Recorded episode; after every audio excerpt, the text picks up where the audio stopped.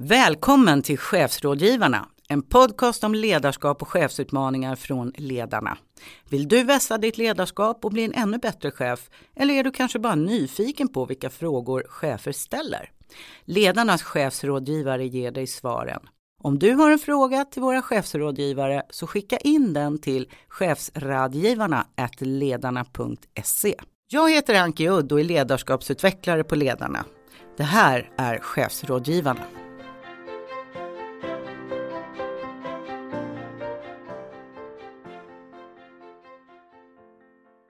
Som chef leder du grupper av medarbetare och medarbetare har alla sina individuella egenskaper, förväntningar, förmågor och olika behov.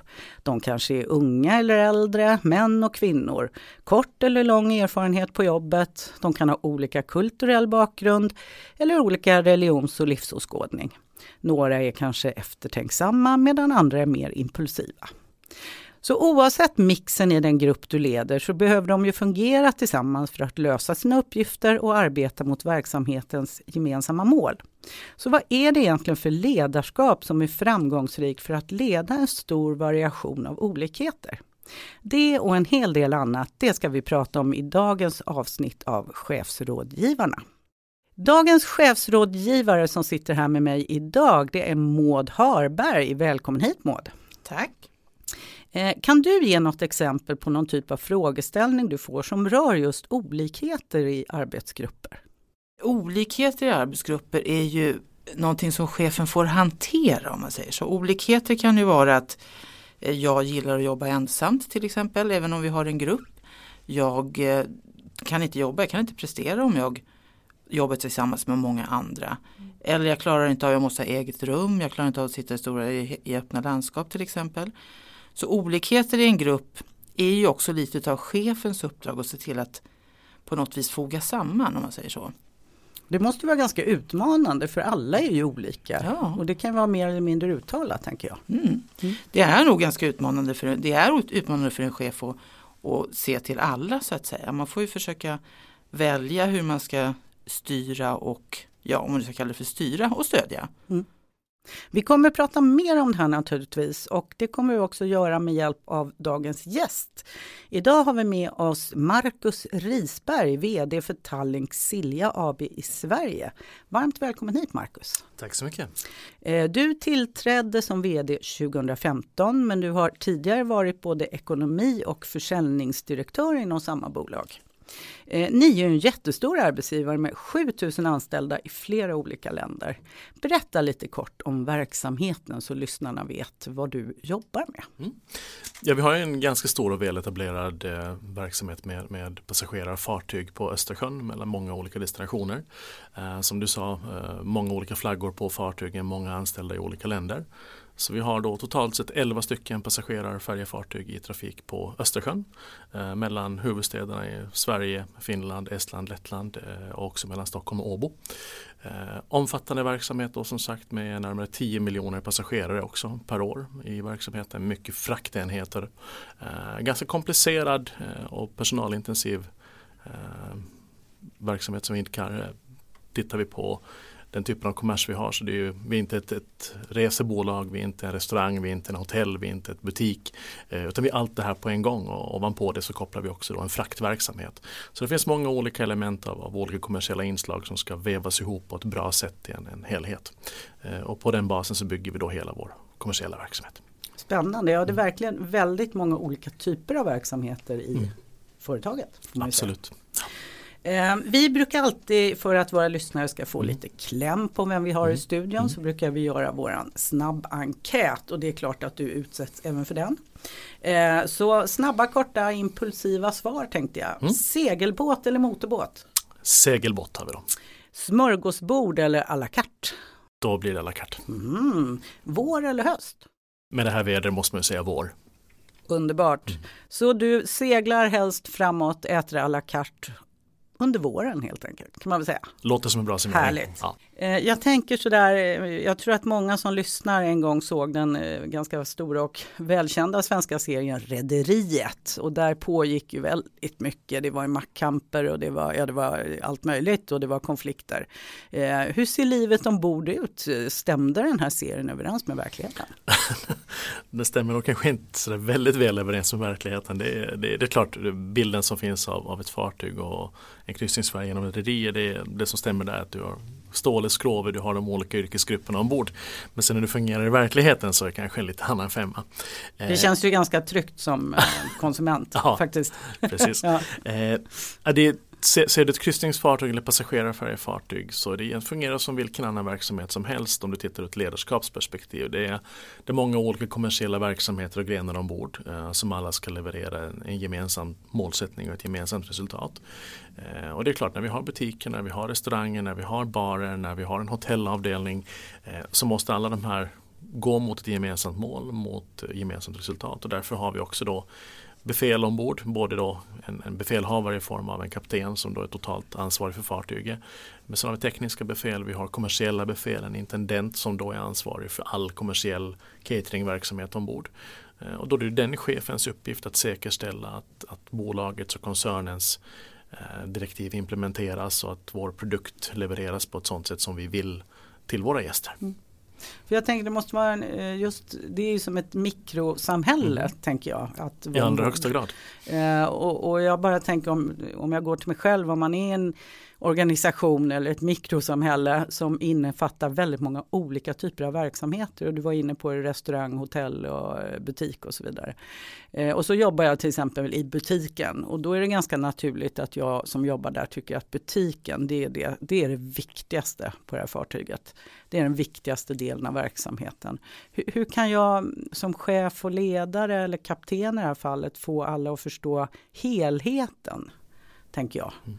Ja, till att börja med tycker det är bra om den som jobbar i butiken tycker att butiken är det allra viktigaste ombord. För då är den personen väldigt dedikerad sin arbetsuppgift och, och förmodligen levererar ett väldigt bra resultat och en väldigt bra service till gästerna.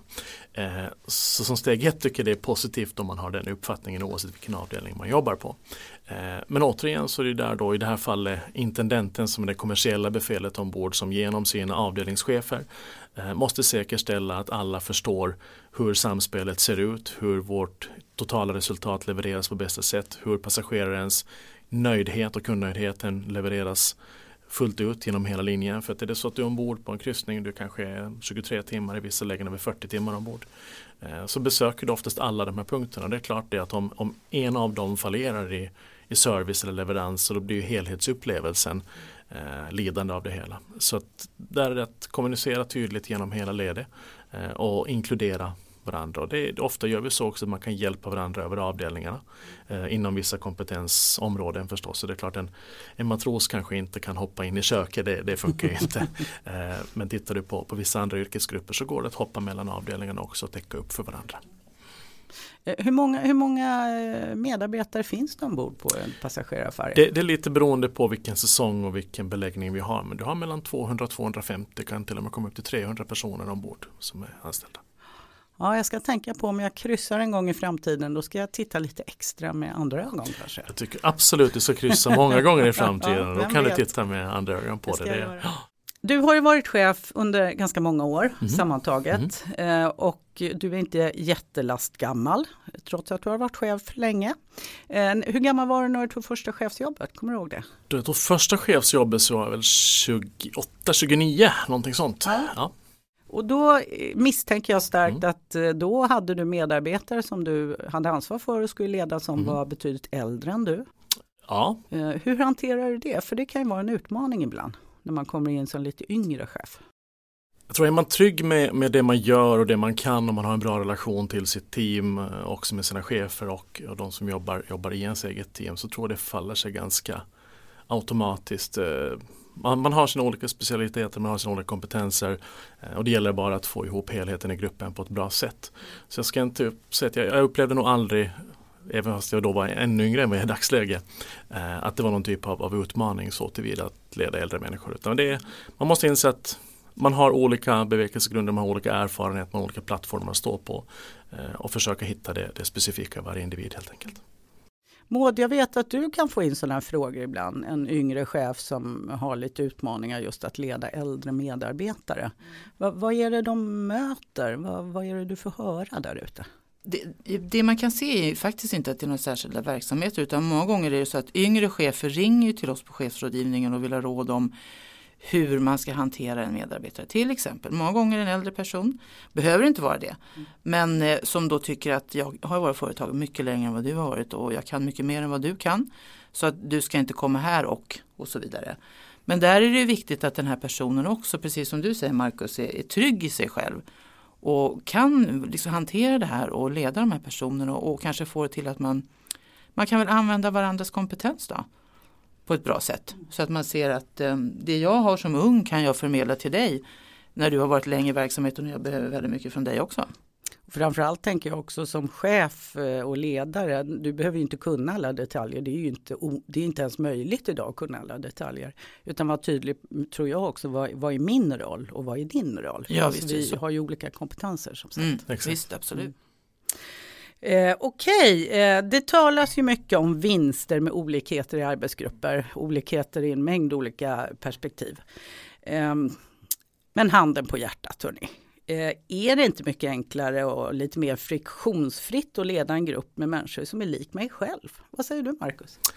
Nej det tycker jag nog inte. Det är, tvärtom skulle jag nästan säga att jag, jag tycker att det skulle vara ännu mer av utmanande om jag ser bara på den roll jag har i dagsläget om, om uh, mitt team och mina mina medarbetare skulle ännu mer utmana det jag tycker och det jag tänker. Eh, det viktiga tror jag är det att man har en gemensam värdegrund för eh, företaget. Eh, att vart man ska, vilka mål man har, vad man vill uppnå, vad man har för värdeord och så vidare. För att bygger man då det värdet så då har man ju en gemensam plattform. Och då kan de här olikheterna komplettera varandra väldigt, väldigt bra sen i härkomst, ålder, eh, åskådning och så vidare. Så det, det ser jag bara som något positivt. Sen är det klart att det, det kan ju alltid uppstå situationer där man har mindre konflikter men då får man hantera det på ett pragmatiskt och öppet sätt. Eh, och det, det, tror jag är en bra grogrund för att också kunna få mycket inspel och bra förslag till förbättringsmöjligheter i en organisation och i en verksamhet. Vad säger du Maud? Finns det, om jag skulle vara chef för en grupp och alla är precis som Anki. Finns det baksidor med det? Ja det tror jag verkligen.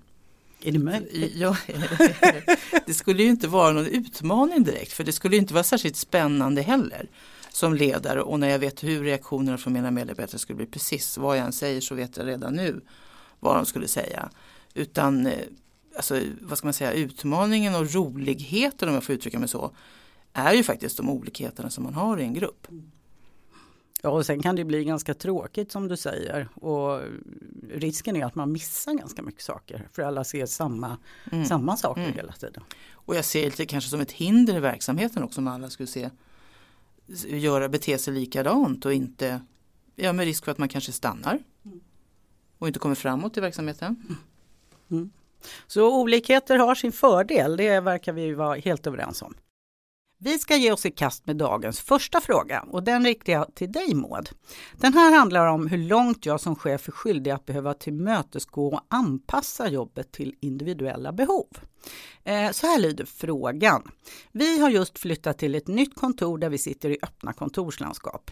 En av mina medarbetare har en kognitiv funktionsnedsättning. Nu visar det sig att den här miljön inte alls fungerar för henne. Från att ha varit väldigt produktiv så får han inte mycket ur sig alls. Hur långt sträcker sig mina skyldigheter att anpassa miljön för den här personen? Ja, vad säger du Maud, vad behöver chefen göra? här? Ganska mycket faktiskt. Som arbetsgivare har du ganska långtgående skyldigheter att anpassa miljön för den anställde som du har då som har eventuellt särskilda behov eller, eller ja, helt enkelt den här personen som har en kognitiv funktionsnedsättning.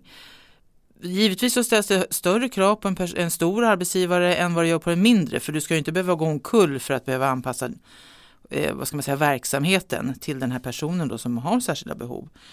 Men eh, ju, du har ju även möjlighet som arbetsgivare om det är så att du skulle behöva ha någon praktisk hjälp eller ekonomisk hjälp så finns det bidrag att söka och då gör du det hos Försäkringskassan i så fall. Så att där är det ju en summa satt, oberoende stort eller litet företag, där man ju kan få hjälp då. Att, Men det är ju bra att veta tänker jag, för är man ett litet företag och kanske inte har så mycket resurser, då kan ju det vara en, en möjlig väg att gå för att ändå kunna se till att den här personen fungerar väl igen på ja, jobbet. Absolut. Och det finns även på, hem, på Försäkringskassans eh, hemsida så finns det väldigt mycket information om vad du behöver göra, hur långt du behöver gå och skyldigheterna hos dig som arbetsgivare. Så du behöver inte, behöver inte känna dig osäker på vad du behöver göra. Okej Maud, så att man, man har ganska långtgående skyldigheter som arbetsgivare för att tillmötesgå sina individuella behov. Men i det här fallet, om, nu bygger man kanske in den här personen då så hen får ett eget rum. Men vad händer i gruppen? Är det inte risk då för att de andra tycker jaha, får den eget rum nu? Det behövde jag också. Jag tycker det är jättejobbigt med kontorslandskap. Mm. Kan det bli så då istället? Det kan säkert förekomma men återigen så kommer man in på, på det här med ditt ledarskap. du kanske ska vara tydlig mot din grupp och dina medarbetare om eh, varför den här personen har fått den här särbehandlingen om du vill kalla det för det. Och en förutsättning för att man ska få det är ju att man har visat ett läkarintyg som som ger mig rättigheter till de här annorlunda behandlingen, eller vad man ska kalla det, eller annorlunda placeringen eller vad det kan vara. Okej, så det räcker inte bara att jag tycker det är allmänt lite stökigt att sitta i kontorslandskap, utan Nej. jag behöver ha en diagnos. Absolut, måste du ha så att det visar att jag ska kunna utföra mitt arbete som jag kanske inte kan mm. om jag inte får en annan placering mm. till exempel. Okej. Kanon! När ni har sånt där, du, ni har ju anställda med, ni är ju jättemånga anställda mm. så det finns säkert personer med specifika behov. Hur, hur hanterar ni den situationen? Där är det en skillnad först om man ser då på landadministration eh, anställda som vi har på kontorssidan eh, kontra då de som är ute på fartygen. Där, på fartygen så är det en, en lite annan situation helt enkelt. Och, och, där har man olika arbetsuppgifter och olika certifikat man måste ha för att kunna arbeta på sjön och läkarundersökningar och så vidare. Eh, men tittar vi på landadministrationen så vi har, har inte någon sån situation där, där det finns en sjukdomsbild där vi måste då hantera situationen på ett sånt sätt som, som Maud beskriver. Men det är klart vi har, vi har en kombination av eh, kontorslandskap och kontorsrum. Eh, och det kan ju bli en, en högljudd nivå, det kan bli lite stimmigt i kontorslandskapet emellanåt. Samtidigt är det en dynamik som man gärna kanske vill eftersträva för att få en, en viss kommersiell puls eh, i verksamheten. Men då får man försöka balansera det så bra som möjligt. Vi har en del anställda som har, har köpt sådana noise reducing, noise cancelling mm. hörlurar som sitter med dem på sig. Eh, och sen har vi förstås, vi har, vi har nya kontoret som vi nu har varit i ungefär ett år, lite på ett år. Så där har vi också byggt in väldigt mycket samtalsrum. Så att man har möjlighet att kunna gå och sätta sig i avskildhet om man känner att man måste få en, en, paus. Men det är klart, är man medveten om att det finns en, en specifik problembild eller en sjukdomsbild så då får man ju nog vidta de åtgärder som krävs. Mm, då får man sträcka sig lite längre helt mm. enkelt. Eh, vad som är fördelen nu för tiden med teknikens hjälp så har man ju ofta möjlighet också att kunna sitta man behöver inte sitta fast på sin plats så att säga, så då kan det finnas möjligheter att jobba från andra platser också. Vi har fått en andra fråga Maud som jag också tänker rikta till dig och det här handlar om åldersdiskriminering. Mm. Eh, här handlar det om en chef som just ska rekrytera en ny medarbetare och chefen skriver så här. Eftersom vi är i en bransch dit många unga söker sig så vill jag gärna komplettera min grupp med någon som är lite äldre och för att få en större variation i gruppen. Men nu undrar jag vad åldersdiskriminering innebär och om det finns risk för att mitt agerande, om jag väljer då en äldre person, skulle kunna vara just åldersdiskriminering. Mm. Det skulle nog kunna vara. Eh, beroende på, därför att här sitter ju du vad jag förstår i, i, i din rekryteringssituation med två personer som har precis samma meritförteckning. Eh, du, du vill ha den äldre personen och då är ju Alltså ja, det skulle kunna bli åldersdiskriminering för de här två personerna är i en jämförbar situation. Båda har samma meritförteckning, du väljer den äldre för du tycker att du har behovet utav eh, den yrkeslivserfarenhet eller vad det nu kan vara. Men om då den yngre personen känner sig diskriminerad, ja, då skulle det kunna lyda under diskrimineringslagen för åldersdiskriminering. Och den här unga personen, låt säga att det, att det blir en sån situation och den här yngre känner att nej, det här beror bara på att jag var ung. Mm. Eh, vad gör den personen? Vart går man då? Alltså den personen kan ju först ta den här diskussionen. Ja, förmodligen då eh, så, så, blir det ju så att den här personen får ju bara ett, ett brev som visar att du, du blev inte aktuell för den här tjänsten. Men är det så så tycker jag absolut att man ska gå till diskrimineringsombudsmannen och lyfta det här och säga det att eh, det här var faktiskt som jag upplever en diskriminering för vi var i en jämförbar situation, både jag och den här personen som mm. anställdes. Det här måste vara ganska knepigt som chef när man ska rekrytera. För just det att man faktiskt söker en grupp som man vill ha lite skillnader i och faktiskt olikheter. Mm. Och så finns det en lagstiftning å andra sidan som förhoppningsvis inte är ett hinder då, men det kan faktiskt uppstå sådana här situationer. Och då, ja, verkligen, och jag tror att det är ganska vanligt även fast det kanske inte går längre än just till att det slutar vid, vid skrivbordet lite enkelt uttryckt. Men, men faktiskt är det så att på, på DOs hemsida finns det väldigt, väldigt mycket verktyg för arbetsgivare som håller på att rekrytera där man då kan titta på så att man liksom inte ramlar i någon fallgrop eller någonting mm. sånt. Så där finns det väldigt mycket att, att, att lära faktiskt. Mm. Bra tips! Diskrimineringsombudsmannens hemsida med andra ord om man är osäker. Tack för det! Tack! Vad tänker du om det här med ålder Marcus? Det pratas ju mycket om att nej men vissa man är passé och man har fyllt 50 och hur ser, hur ser du på sånt? Jag tror det är viktigt att skapa en bra dynamik och balans i, i gruppen på arbetsplatsen och i en bra dynamik och en bra balans så ska man ha inslag av, av olika erfarenheter och, och eh, olika både åldrar och bakgrunder och härkomst och så vidare. Och jag skulle säga att det, det finns ju en, en utmaning också med eh, lite yngre Eh, medarbetare på arbetsplatser och på marknaden, arbetsmarknaden generellt idag. Och det är en viss otålighet, man vill väldigt gärna snabbt upp i karriären, man kommer in och man hinner knappt lära sig jobbet. Så får man ett nytt erbjudande och springer iväg. Eh, så där ser jag att det finns en, en, bättre stabilitet hos de som kanske är lite mer mogna på arbetsmarknaden. Så att hitta då rätt balans och rätt dynamik i att ha både sådana som har lång erfarenhet och, och kan sitt arbete väl eh, och där man också har kanske en lite större commitment långsiktigt. Eh, men också då att få in, in en lite ungdomligare puls i det hela. Så balansen är väldigt viktig. Hur behåller man de här otåliga ungdomarna om vi ska kalla dem så. Eh, för de kan ju vara oerhört talangfulla och ja, men jag vill ha kvar dem. Hur ska vi utmana dem? Det, det, är en, det är en jätteutmaning att hantera frågan där därför att det är väldigt mycket korrelerat till karriärutveckling. Man vill ha nästa steg, man kommer in, man kanske har, får en roll som någon digital uh, utvecklare. Något, och så har man jobbat ett halvår eller ett år och så knackar de på dörren och säger kan jag bli vd nu? Uh, och så fungerar det ju inte riktigt. Så jag tror det är viktigt att vara, vara tydlig uh, och uppmuntra och också kommunicera på ett bra sätt hur arbetsmarknaden fungerar. Försöka låta de här yngre förmågorna förstå att det, det, kanske inte kan gå fullt så fort som de hoppas.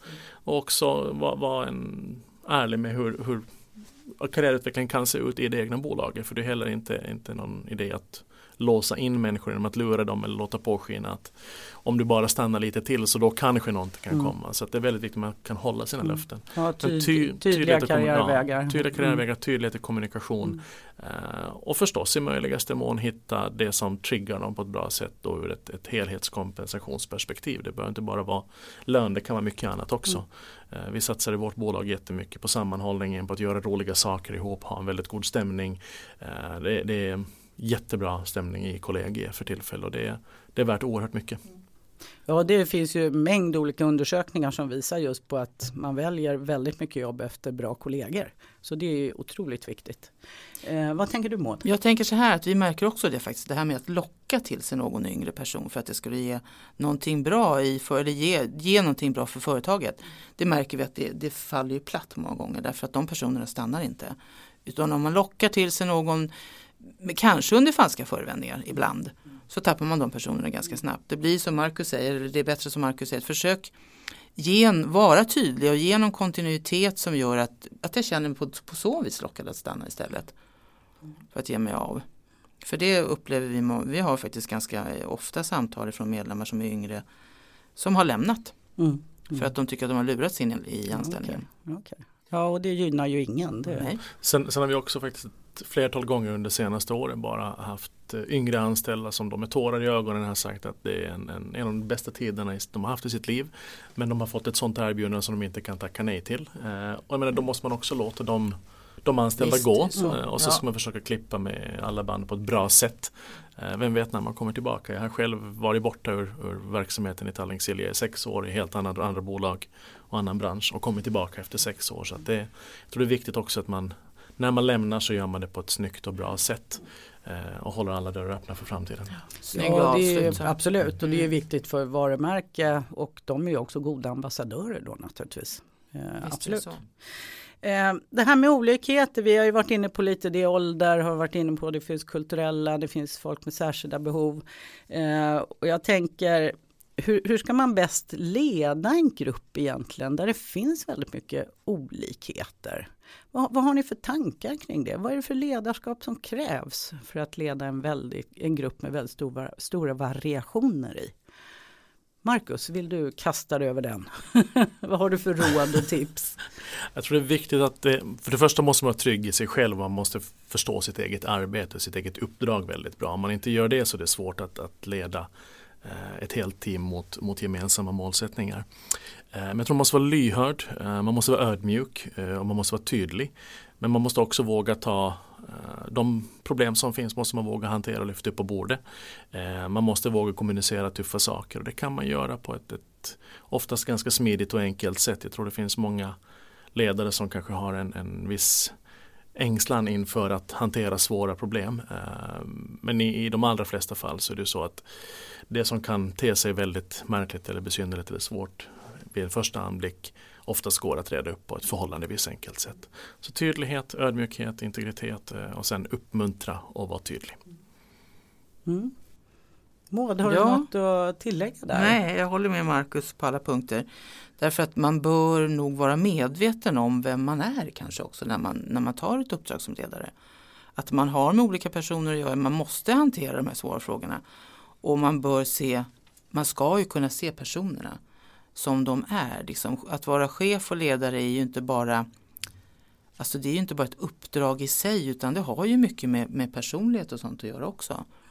Och att man bör vara och ha god självinsikt framförallt skulle jag säga. Mm. Jag tänker på det här med kulturella skillnader tycker jag är spännande. Eh, man pratar mycket om det svenska eller skandinaviska ledarskapet och du Marcus har ju erfarenhet eh, från Baltikum då inte minst.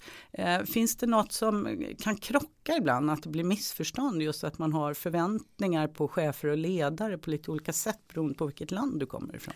Så det är absolut, det har exponerats också för, för många andra nationaliteter ur ett, ett ledarperspektiv i andra bolag. Och det, eh, jag tror oavsett om man tittar på Sverige, Baltikum, Sverige, Finland, Finland, Baltikum, Sverige, Danmark så finns det alltid olikheter. Eh, både i hur man beter sig, hur kulturen fungerar och också i eh, kanske främst den auktoritära delen i ledarskap. Jag ska säga, I Sverige så är vi väldigt långt framme i det att eh, ledaren är inte den här ena personen som står och pekar med hela handen och ger direktiv.